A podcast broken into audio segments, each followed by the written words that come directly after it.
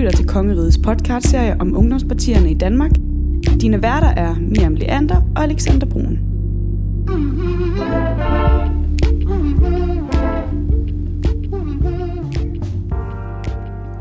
Ja, nu sidder øh, Jakob øh, Ropsø over for mig, og du er med i Radikal Ungdom.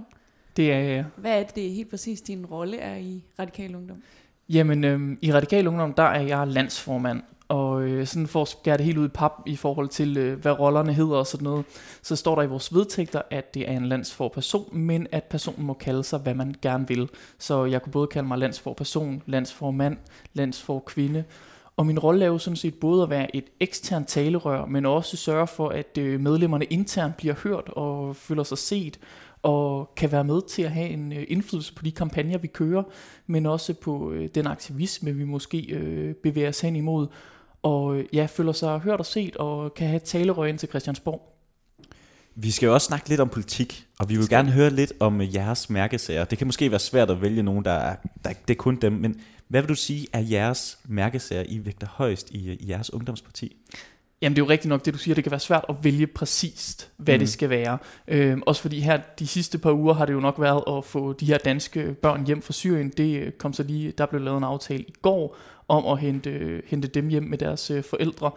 Øh, hvilket også udlagde noget af den aktivisme, vi havde planlagt for lørdag, men det er jo så på en dejlig baggrund. Mm. Men jeg tror, hvis jeg kan, kan kigge på det helt grundlæggende for det her foreningsår, vi jo på en eller anden måde har, jamen så er det, at, øh, at vi skal have indført en ensartet CO2-afgift, og så er det mere fokus på investering i ungdomsuddannelser og generelt uddannelsessystemet, sådan til at vi igen kan komme op på et øh, højt niveau, også i resten af verden, og vi kan få lavet nogle prioriteter der, så man kan få bedre feedback, i stedet for at det kun er en karakter. Og så handler det jo grundlæggende om øh, ja, klima, uddannelse, ligestilling. Det er sådan de, øh, de tre hovedfokuspunkter, mm. vi har i det her foreningsår. Og ligestilling, det handler jo lige så meget om foreningen selv, som det handler om den politik, vi gerne vil have udført. Mm. Vi hører, mange, øh, vi hører meget, også fra de andre ungdomspartier, at den her grønne dagsorden, er det også noget, I har valgt at sige, nu skal vi have ekstra meget fokus på det de seneste år, eller hvordan har, har I altid haft fokus på det i forhold til øh, jeres øh, ungdomsparti? Vi har i hvert fald, altså altid. Ja, altså, altid, men her men, inden for men, ja, rimelighedens grænser, ikke? Jamen, ja. øh, i hvert fald al den tid, jeg har været medlem, har mm. det været et fokuspunkt, hvor der er blevet talt øh, mængder af CO2 og reduktion derinde, for også med hele miljøpolitikken, som, jo, som jeg jo egentlig gerne vil dele det op til, at det ikke bare hedder, at det ikke bare ses som en samlet kasse, men at der er noget, der hedder klima og noget, der hedder miljø. Mm. Øhm, og det er i hvert fald noget, vi har talt om, siden jeg meldte mig ind i, i sin tid i Radikal Ungdom. Men, øh, men det er da klart, det er, det er blevet mere og mere, og øh, det er konsekvent et spørgsmål omkring, hvordan kan vi reducere bedst muligt, uden at miste arbejdskraft, uden at øh, folk de flytter til udlandet, se på nogle kreative løsninger derfor, og komme med noget inspiration. Det handler også nogle gange om, hvis jeg sidder til møde med Sofie Carsten Nielsen og Martin Lidegaard, så er det jo et spørgsmål omkring, hvad kan jeg tage med til bordet, der kan inspirere dem. Ja. Og der er det jo klart, at så, så skal jeg kunne komme med nogle helt konkrete forslag til, hvordan en CO2, ensartet CO2-afgift skal kunne se ud, og hvordan den skal kunne være holdbar i forbindelse med øh, arbejdspladserne også. Så øh, det er klart, at øh, det, er noget, der har, det er noget, der har vokset sig. Men jeg synes jo også, det er fordi, det, det, det hænger jo sammen både med den sociale politik, uddannelsespolitikken, den økonomiske politik. Det er sådan hele mm. vejen rundt, at det ligesom er blevet et bindeled. Og jeg synes, man kan, man kan sammenligne det lidt med, at vi kan snakke rigtig meget omkring, hvilke fremtidsudsigter og hvilket, hvilket land og hvilken verden vi gerne vil have. Men det betyder ikke så meget, hvis ikke vi først får øh, styr på den allerstørste krise, der trods alt er noget større end coronakrisen. Du siger selv, når du sidder til bords med Sofie Carsten Nielsen og Martin Lidegaard eksempelvis, hvordan fungerer samarbejdet med Radikale Venstre? Jamen, jeg synes, det fungerer rigtig godt. Øh, vi skal jo nogle gange være den, øh, den frække i klassen, der, mm. øh, der, godt kan, der godt kan finde på at, øh, at sparke og skubbe dem lidt. Mm. Men, øh, men vi, øh, det handler også om at finde nogle enigheder, og, øh, fordi hvis man altid er, I skal gøre det, I skal gøre det, I skal gøre det, jamen så bliver man bare øh, den der trælse lillebror, der, mm. øh, der konstant render rundt. Det handler jo om at skabe et samarbejde, hvor øh, begge parter kan bruge hinanden. Det betyder også, at jeg kan få noget viden omkring, hvad kommer der til at ske politisk i Danmark over den næste periode, og hvor skal jeg måske have mit fokus i forhold til de ting, jeg går offentligt ud med.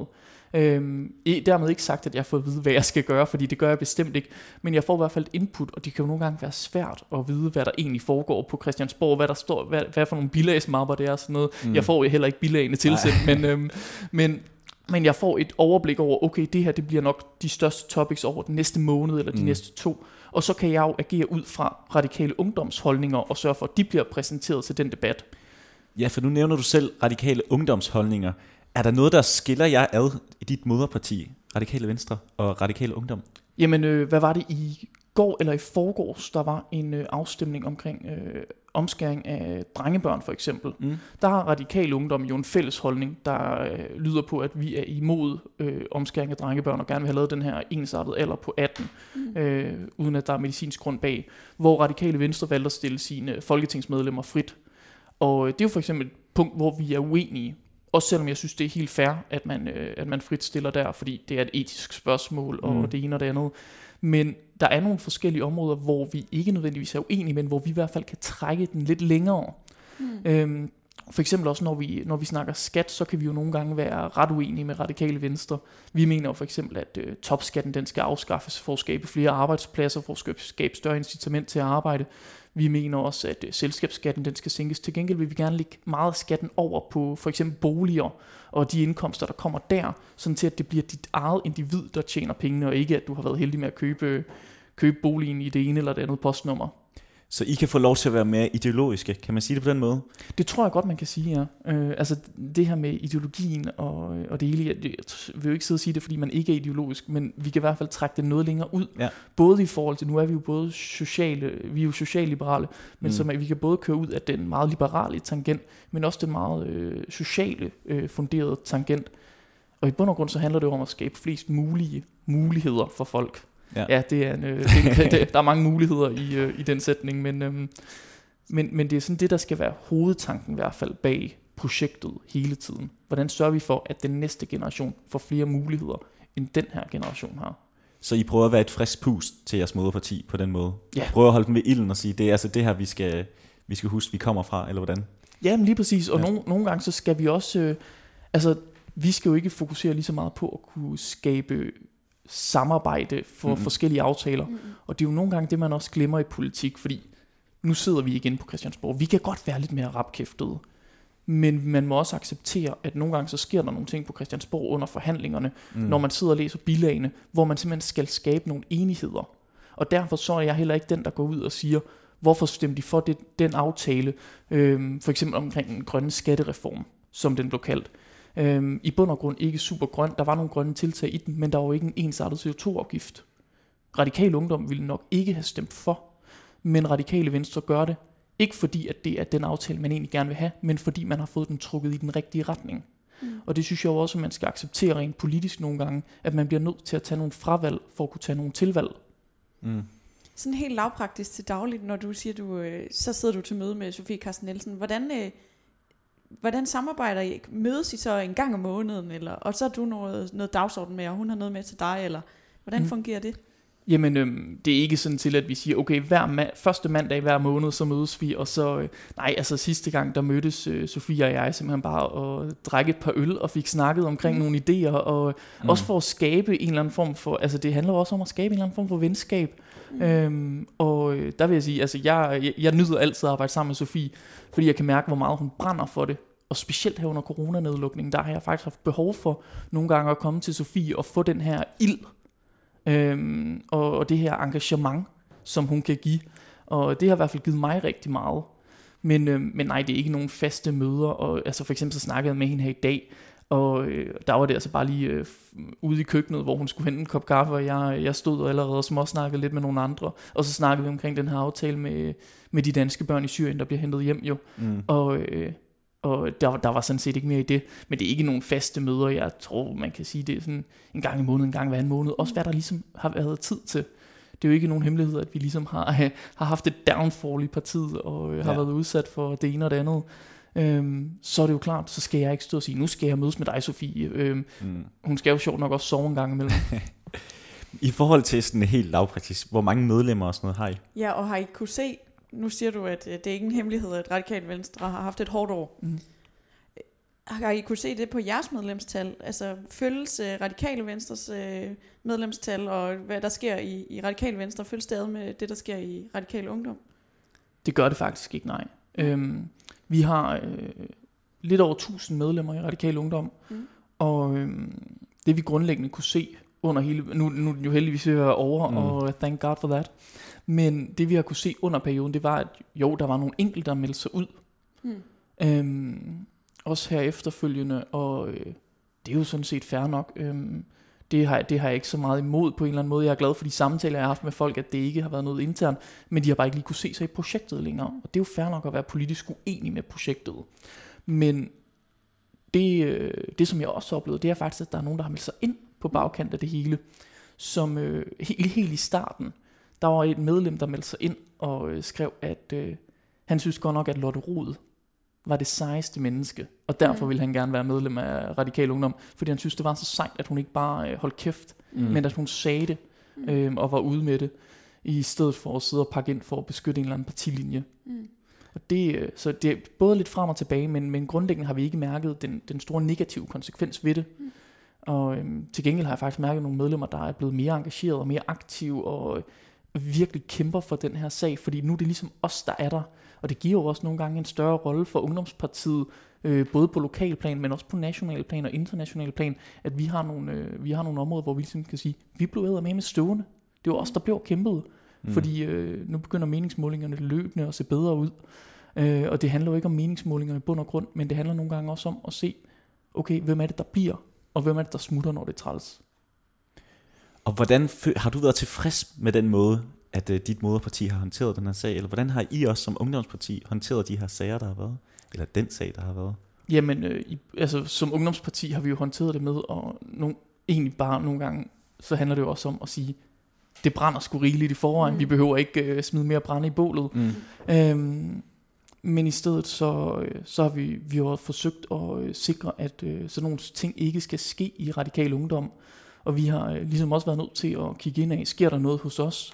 Øhm, er der en dårlig overgang til vores moderparti? Hvordan kan vi sikre de tryggeste vilkår for vores øh, medlemmer? Og det er jo en løbende proces, der ikke bliver gjort øh, sådan med et øh, knips, men, øh, men nærmere med, med, men nærmere med, med løbende arbejde og udvikling. Så, øh, men ja, det er da klart, at jeg har haft nogle samtaler med, øh, med de forskellige folk inde i partiet, og spurgt, hvad pokker foregår der. Øh, Mm mm. Hvordan har det så været at være, ungdomsparti under corona? Uha, det har været træls. Mm. Altså på, på godt jysk, nu er jeg jo vestjyde. Øhm, En af de få vestjyder, der er radikale. Men, øhm, men det, har, det, har været, øh, det har været træls med stor T. Øh, hold da op. Jeg ved ikke helt, hvad jeg skal sige til det. Vi øh, må jo øh, først mødes fra i morgen af, øh, torsdag den 21. Vi har jo simpelthen ikke måttet Mm. mm. mødes, heller ikke efter barnet er åbnet eller andet. Vi kunne godt gå ned og drikke en fadøl, men vi måtte ikke mødes i vores foreningslokaler, hvilket jeg jo synes er øh, helt hul i hovedet. Mm. Men, øhm, men det har jo på en eller anden måde også vist os nogle virkemidler, vi kan benytte os af i forbindelse med flere online møder fremadrettet. Mm. Men lige nu der trænger folk til at møde hinanden. Altså, folk er jo trætte. Folk ja. er, altså man mister jo engagement af ikke at, altså det der med at have et hovedbestyrelsesmøde, hvor der kommer 50 mennesker ind, der bare sidder en weekend og debatterer politik, og hvad skal radikale ungdom mene, hvad skal man ikke mene, man kan høre sin stemme, man kan stille sit forslag, Mm. og så kan vi gå videre til partiet med det. Altså det, det, det giver en helt anden, en eller anden form for ros. Man, kan, man kommer hjem, man er skidetræt, men man er også bare glad, og man er klar til at gå i arbejdstøjet. Lige nu der sidder vi med over 90 resolutioner, der er ubehandlede, hvilket også bare gør, at vi nogle gange på en eller anden måde står i, et, står i en eller anden stillstand, fordi vi ikke har kunnet behandle al den Mm. politik, der er kommet ind fra medlemmerne. Det går bare ikke helt lige så hurtigt på et online møde. Og øh, jeg, jeg trænger til at sidde og drikke en sodavand med nogle øh, gode venner ude i solen og, øh, og snakke noget politik med dem. Hvad plejer I at gøre for at, at ligesom mobilisere de her unge, altså få dem ind til jeres parti? Det lyder som om, det er et fantastisk fællesskab. Ja. Hvad, hvad gør I for Hvad at sprede budskabet og få folk til at være en del af det fællesskab? Jamen, Det handler jo i bund og grund om at snakke med, med, med de venner, der er, der er venner til vores medlemmer. Mm. Komme ud til gymnasierne, komme ud til nogle bestemte, bestemte grupper. Men det er ikke som sådan et mål for mig, at radikal ungdom skal blive større og større og større. Det vigtigste det er at kvalitetssikre det, vi har. Fordi det vi jo ser med vores medlemmer, det er jo typisk, at de kommer ind, de har ikke nødvendigvis passet så godt ind i folkeskolen eller i gymnasiet, eller hvor pokker de nogle gange bevæger sig rundt. Og så kommer de ind i et fællesskab, hvor det ikke handler omkring, hvor god du er til at spille fodbold, eller hvordan dit hår det sidder, eller om du har den rigtige trøje på. Men det handler omkring, hvordan du er som menneske, og hvor god du er til at bevæge dig om, altså omkring et politisk emne, og hvor nysgerrig du er også. Øhm, og det, det tror jeg bare, der er mange, der finder et nyt, et nyt ståsted i, hvor man lige pludselig kan debattere nogle ting, man ikke tidligere har kunne debattere, man har kunne blive klogere på nogle ting. Men jeg har oplevet sindssygt mange mennesker, der har udviklet sine sociale evner så markant i, øh, i vores ungdomsparti. Og det gør mig bare glad at se og opleve. Øhm, så for mit vedkommende, så handler det ikke om, at vi skal være størst eller større. Det ville jo selvfølgelig være dejligt, hvis vi blev det løbende. Mm. Men det vigtigste, det er altså at sikre, at vores medlemmer de bliver ved med at blive dygtigere. Både fagligt, men også socialt. Og man bliver ved med at kunne øh, mærke, at der er nogle venskaber, der også hænger ved, efter de er færdige i radikal ungdom. Så er det en god blanding af politik og venskab? Det er det helt sikkert. Ja. Øh, og jeg vil, jeg vil nogle gange sige, at venskabet faktisk er vigtigere mm. end politikken. Øh, det synes jeg nok egentlig personligt. Men det er også fordi, man får ikke lavet et særligt godt politisk udtryk, synes jeg ikke. Hvis der er dårlige forhold i, internt i uh, foreningen, og hvis man uh, bruger mere tid på at modkæmpe hinanden på sociale medier, end man gør på at hæppe på hinanden. Så uh, jeg, tror, det, jeg tror, det går hånd i hånd. Men det man også skal huske på, det er jo, at et ungdomsparti er jo ikke bare et parti. Vi er jo en forening. Mm. Øhm, vi får foreningsmidler, og øh, dermed så er vores opgave jo først og fremmest også at aktivere en masse unge mennesker og gøre noget godt for de unge mennesker, der kommer. Øhm, det er ikke nødvendigvis at skulle ændre en eller anden paragraf, øh, et eller andet stykke, et eller andet. Det, øh, det, det er langt større end det i virkeligheden. Det er jo også det, vi hører fra mange af de andre ungdomspartier. Det er ligesom det her fællesskab. Og der er også, øh, vi hører også især fra mange, at der er det her fællesskab imellem de forskellige mm. partier. Er det også noget, du kan, hvis du kan prøve at uddybe det, hvordan det fungerer? Ja, jamen jeg sidder og smiler nu. Ja, det, det, det kan jeg jo ikke se, når nej, jeg sidder det, og lytter. Det kan vi noget. sige, at du sidder og gør. Ja. men, øhm, men jo, det er, det er helt sikkert rigtigt. Jeg, øh, jeg har virkelig nogle gode forhold til både nogle tidligere, men også nogle nuværende af de forskellige formænd og medlemmer i, øh, i de andre ungdomspartier. Og det skyldes jo, at øh, man lærer hinanden at kende på en helt anden måde. Øhm, det er sjældent, jeg sidder sådan og debatterer hardcore politik med, med dem, der, dem, der er meget uenige med mig. Men jeg skaber nogle venskaber med dem, hvor vi også godt kan joke, og vi kan have noget, øh, en god jargon. Og, øh, og så kan vi sidde og snakke omkring nogle mennesker, som vi hver især fælles kender. Og så er det selvfølgelig klart, så debatterer vi jo også politik en gang imellem. Jeg kan jo ikke møde en fra Dansk Folkeparti, uden at skulle debattere lidt politik. Mm. Men på en meget hyggelig måde. Det er jo ikke sådan, at vi ender med at skulle stå og råbe af hinanden. Øhm, jeg bliver da glad hver gang jeg ser øh, Christoffer Gadeberg eller Tobias Weiss eller nogen andre fra Dansk Folkepartis Ungdom, fordi jeg ved, det er, det er nogle grundlæggende gode gutter, som, øh, som jeg gerne vil drikke en kop kaffe eller en øl med. Og, øh, og det samme med, med SFU og Alternativets Ungdom, men øh, specielt så har jeg også et godt forhold til dem i Venstres Ungdom og Konservativ Ungdom, hvor, øh, hvor jeg virkelig har fået nogle gode venner i, i tidens løb. Så, øh, så det er jo en god øh, bred skare af, af mennesker, og det tror jeg egentlig også er vigtigt nogle gange at anerkende. Vi kan godt være uenige, men vi skal også huske at skabe nogle venskaber, fordi det er jo egentlig det, der er så stærkt ved dansk, øh, dansk politik. Øh, hvad var det, jeg tror det er en fem år siden nu, at Senja Stampe lagde et billede mm. op på hendes Facebook, hvor hun står øh, og omfavner Søren Espersen mm. i Folketingssalen. Jeg tror, de politikere, der nok er mest uenige, mm. men de er gode venner jo. Og det er jo egentlig ret fedt for danskerne også at se, specielt med en tid her med sociale medier, hvor det i bund og grund handler mere om at skabe, øh, skabe store overskrifter end politiske resultater og, øh, og venskaber. Så hvis man sidder og lytter lige nu og tænker, åh, oh, det lyder som et fantastisk fællesskab, det vil jeg gerne være en del af. Men jeg er ikke helt sikker på, om jeg kan stå inden for alt, hvad Radikal Ungdom de, de mener. Og, og jeg har også læst øh, Radikale Venstres øh, principprogrammer, og det er ikke det hele, jeg er enig i. Kan man så melde sig ind alligevel? Ja, det kan man i hvert fald. Jeg er heller ikke enig i alt, hvad radikal ungdom mener. Mm. Det er jo selvfølgelig klart, når jeg er ude til en debat, så repræsenterer jeg jo alt, hvad radikal ungdom mener, men selvfølgelig er jeg ikke det. Jeg tror ikke, man finder et øh, eneste parti, som man er fuldstændig enig med. Altså jo, så skulle du være Lars Lykke i Lars Lykkes parti. men, men det er jo sådan en, en grund, grundlæggende forkert tanke, at man skal være enig i alt, hvad der foregår. Mm. Og det synes jeg er noget, der virkelig spiller så godt igennem i mit parti, både Radikal Ungdom og Radikale Venstre, at man er uenig, og man tør tage debatten. Og der er altid plads til debatten. Og så snart vi misser den her plads til debat, så har vi jo faktisk tabt. Fordi så har vi jo lige præcis misset hele præmissen om, at alt er til debat. Der er ingen tvivl, der er tilfældig. Der er en grund til, at der er nogen, der ikke for, enten ikke forstår det eller er uenige.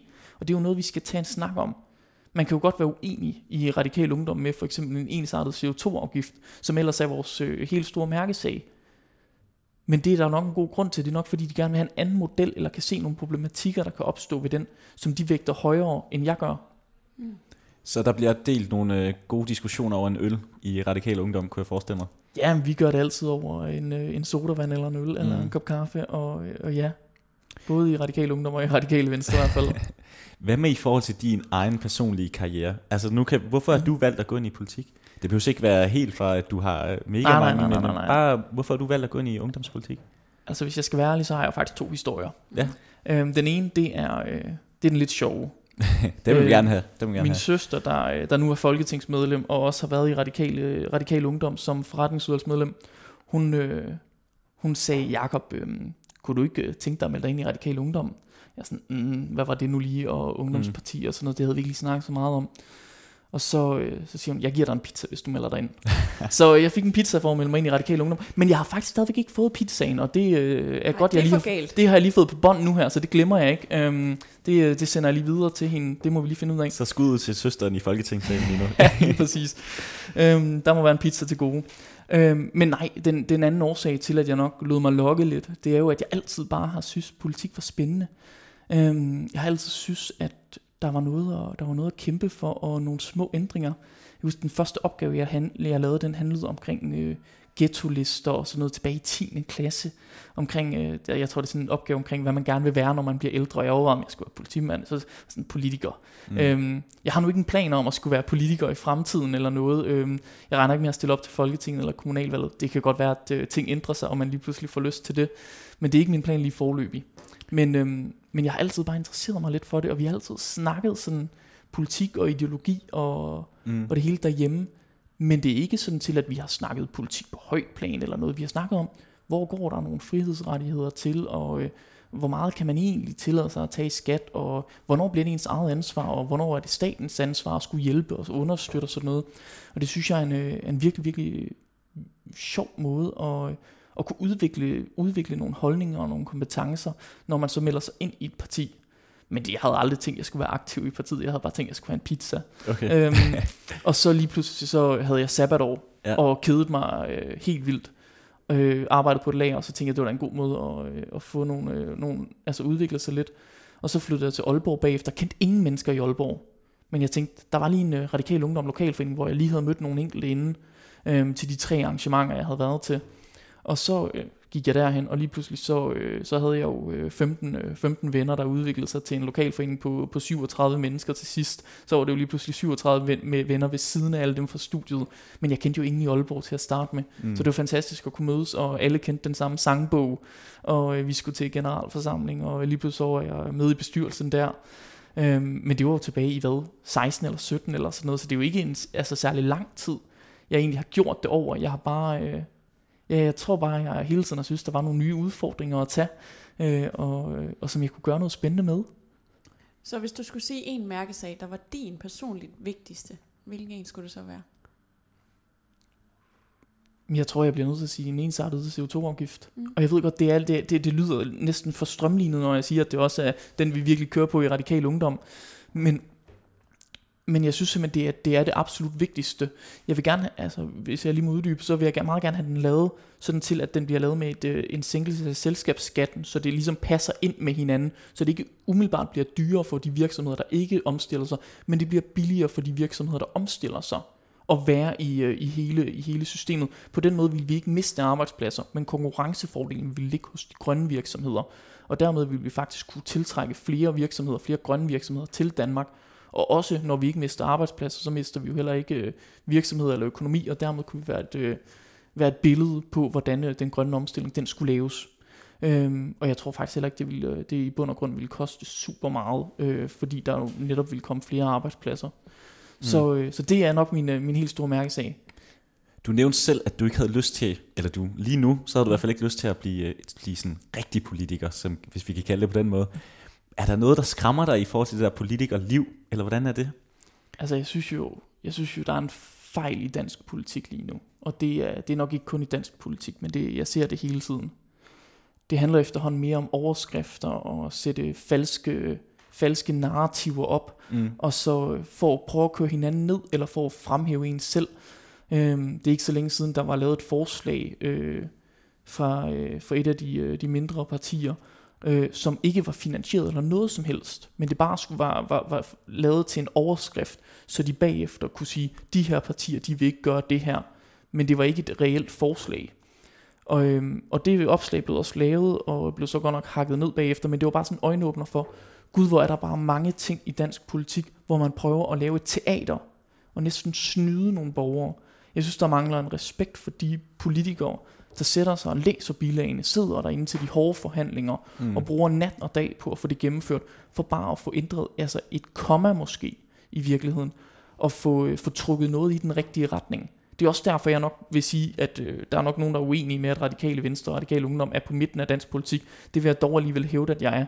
Men det handler i bund og grund mest om, at så længe jeg kan trække politikken lidt i min retning, mm. så vil jeg stadig være med. Jeg vil hellere være med på noget, der er trukket lidt i min retning, end, no, end være imod noget, og det så slet ikke kommer i min retning. Er du det, der er bange for, når man kommer ind på borgen, så kan det blive nogle gange lidt for meget sådan noget med, jeg skal derhen, hvor der stemmer, eller kan det blive sådan lidt for, er det, er det det, du er bange for, i stedet for, lige nu så er du en position, hvor du faktisk kan være, få lov til at være ideologisk og, og så videre, ikke? Jeg kan i hvert fald få lov til at gøre de ting, jeg på en eller anden måde mener bare er fuldstændig rigtige mm. lige nu. Øhm, og øh, det kan også være, at, øh, at det er bare mig, der er dum, men jeg, der, altså, jeg er lidt bange for, at vi begynder at køre en eller anden social medie øh, folketingsvalgkamp året rundt i, i bund og grund, mm. hvor, øh, hvor det netop handler om at skulle skrive flest kommentarer ned til de forskellige artikler. Og, som man ser meget lige nu. ja, som man, som man ser, og man ser det jo for alle partier i bund og grund. Det kan godt være, det var nye borgerlige, der startede, men så, så så folk jo lige pludselig, at det fungerer, og så gik alle jo med på den. Ja. Og det er ikke, fordi man ikke må kommentere, men jeg synes i bund og grund, det er lidt ærgerligt, at alle sociale medieopslag, de handler om, at øh, du skal læse en overskrift, der skal være fængende, og så skal det, altså det er jo, det er jo bare BT, der, øh, der har infiltreret alle folketingspolitikernes Facebook-side, i hvert fald størstedelen af dem, og dem, der jo så ikke gør det, de kan også bare se, at de får færre likes. Mm. Også selvom de nok egentlig skriver noget med lige så meget indhold. Og det føles jo også som, som en eller anden form for, måske et nederlag, det ved jeg ikke, om det gør for den enkelte politiker, men vi mangler nogen, der kan, sådan kan sige, jeg vil gerne være den der, den der stille og rolige, progressive, samarbejdende type øh, i Folketinget, som ikke går efter likes og selfies og det ene og det andet, men som nærmere går efter at sige, jeg vil gerne lave en forskel, og bruger kræfter og tid på det, i stedet for at sidde og forberede det næste Facebook-opslag, mens man sidder midt under forhandlingerne. Ja. Så øh, flere Marianne Hjelved-typer i dansk politik. Mange flere Marianne Hjelved-typer. det var måske nogle af bagsiderne ved, ved politik, og også nogle af de fordomme og det politikerlede, der sådan, man tit bliver mødt af, hvis man er politiker. Det, er det også noget, man møder som ungdomspolitiker? Her tænker vi især, mm. hvis du er nogle af dine venner, du, får, du siger, jamen jeg er faktisk en del af... Ah, ja. ja. At bliver man mødt med nogle fordomme? Altså jeg har i hvert fald nogle venner, der, øh, der stadigvæk ikke helt accepterer, når jeg siger, at øh, jeg ikke er politiker. Okay. Fordi det mener de jo, jeg er. Mm. Og øh, jeg er da sådan set heller ikke noget mod at blive kaldt politiker på den måde. Men det synes jeg ikke, jeg er. Jeg synes i bund og grund, jeg er øh, formand for en forening, en ungdomsforening. Mm. Og jeg skal sørge for at gøre det bedst mulige for, at øh, de mennesker har det godt i foreningen. Og så er det politiske derefter hvor det er de små politiske kampe og snakke og debatter. Men, øhm, men når, når vi lige netop nævner det her med, med politikerlede, jo, altså hvis man, hvis man opsætter en eller anden form for, for teater, så kan jeg da godt forstå, at folk de bliver afskrækket, også fra at melde sig ind i partier, også fra at melde sig ind i ungdomspartier. Jeg er da selv faldet i fælden. Mm. Jeg har da også selv lavet nogle overskrifter eller et eller andet, mm. hvor det bare har været et forsøg på, nu skal jeg overbevise, nu skal jeg have flest mulige likes. Mm som om man vinder på at få flest mulige likes. Og det er altså, måske også for at tage afstand fra det, at du jo helst ikke vil kalde dig selv politiker, men måske nærmere politisk aktiv. Ja, det kan, det kan sagtens være. Det, kan, det, det tror jeg faktisk, du har lidt ret i. Øh, det, sådan har jeg aldrig tænkt over det før. Men, øhm, Hvad er det bedste ved at være politisk aktiv? Uha, der er mange gode ting. øhm, det slog mig her i dag, øh, at jeg skulle... Øh, det er fordi, de har åbnet for fitnesscenteret inde på Christiansborg, og mig og en kammerat, vi går så derinde og træner. Og øh, bare det der med at kunne gå ind på Christiansborg. Altså, ja, undskyld, jeg banner, men hvor fucked up er det lige? Øhm, som, mm. som 24 år, det havde jeg aldrig troet, jeg selv skulle. Jeg havde tænkt, jeg skulle være politimand, dengang jeg, jeg var færdig med, færdig med gymnasiet. Og lige pludselig så, så laver jeg noget helt andet. Og, øh, ja, men, øh, men nej, i bund og grund, så er det fedeste ved at være politisk aktiv, det er de udfordringer og den læring, man får. Øhm, og det er, alle, alle vil nok sidde her og snakke omkring det fællesskab og de venskaber, man får. Og jeg får helt sikkert venskaber for livet. Men det gør du jo i rigtig mange andre foreninger også.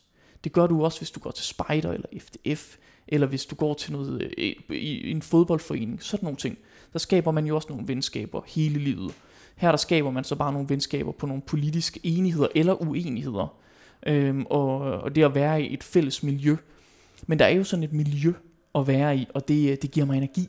Mm. Ja, fordi det er så latterligt dygtige mennesker. Og jeg føler ikke nødvendigvis, at jeg skal prøve at hele tiden speede op for at være på niveau. Det føler jeg faktisk ikke.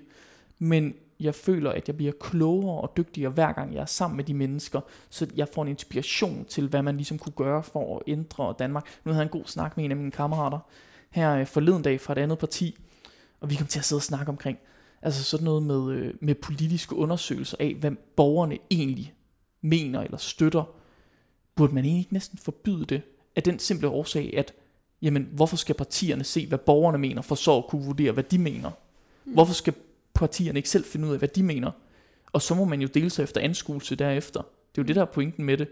Hvorfor det, og det kan også være sådan noget som meningsmålinger, hvor man kan se, at øh, det er der i hvert fald meget forskning, der tyder på, at op til et valg for eksempel, der har meningsmålinger ret stor betydning, fordi folk har sådan en grundlæggende øh, tilgang med. Det er egentlig Mm. meget rart at være på vinderholdet jo nogle gange. Ja. Mm. Øhm, så, så sådan helt, helt grundlæggende, så synes jeg, at det fedeste ved at være politik, det er den inspiration, og det, det engagement, jeg får. Mm. Det er selvfølgelig næst efter alle venskaberne og sådan noget.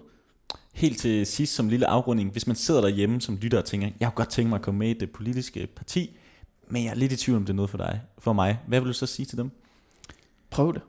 Ja. det øh, altså prøv at tage til et arrangement, det, øh, det koster ikke noget. Typisk så øh, vil man jo finde ud af, at øh, man faktisk kan meget mere, end man selv tror, mm. løbende, og øh, lige pludselig, det der med at lære at stå foran andre mennesker og tale, hold nu op mand, hvor jeg synes, det er nervepirrende. Jeg står og ryster i hænderne hver gang. Mm. Det er godt nok blevet mindre og mindre nu her, men det der med at lære at formulere sig og tale foran et publikum, det er jo fantastisk. Og øh, det der med at sidde og få venner og kunne snakke omkring, hvordan man kan forbedre nogle ting, det, øh, det kalder en helt suveræn. Og så, øh, så synes jeg bare, at øh, det, det ungdomspolitiske miljø er, er et af de fedeste, jeg har oplevet i forhold til at engagere unge mennesker og dygtiggøre unge mennesker. Jeg er bestemt ikke den bedste i hverken folkeskolen eller i gymnasiet. Øhm, og alligevel så har jeg fået øh, voldsomt meget læring ud af det her, og øh, er i gang med en øh, kandidatgrad lige nu, øh, som jeg aldrig nogensinde havde gennemført, hvis ikke det var for ungdomspolitik. Så, øh, og på grund af de, øh, de venskaber, det netværk, jeg ligesom har fået derigennem. Mm. Men prøv det. Det skader ikke noget. Lad være med at melde jer ind første gang, så kan I lige se, hvad de mener, og, øh, og lige, lige se, om det er et okay selskab, og så, øh, og så kan det være, at I skal, skal melde jer ind til tredje, fjerde gang, I kommer. Det synes folk er mega nice. Men øh, prøv, prøv at komme og øh, overveje at øh, følge dem på, øh, på Facebook-siden eller et eller andet, og se, om de, øh, de matcher nogle af, af jeres holdninger. Mm. Lad, os, lad det være sidste ord. Ja, det var, lad det være en lille sløjfe til sidst. Jakob Ropsø, øh, landsformand i Radikal Ungdom. Mange tak, fordi du ville være med. Mange tak for invitationen.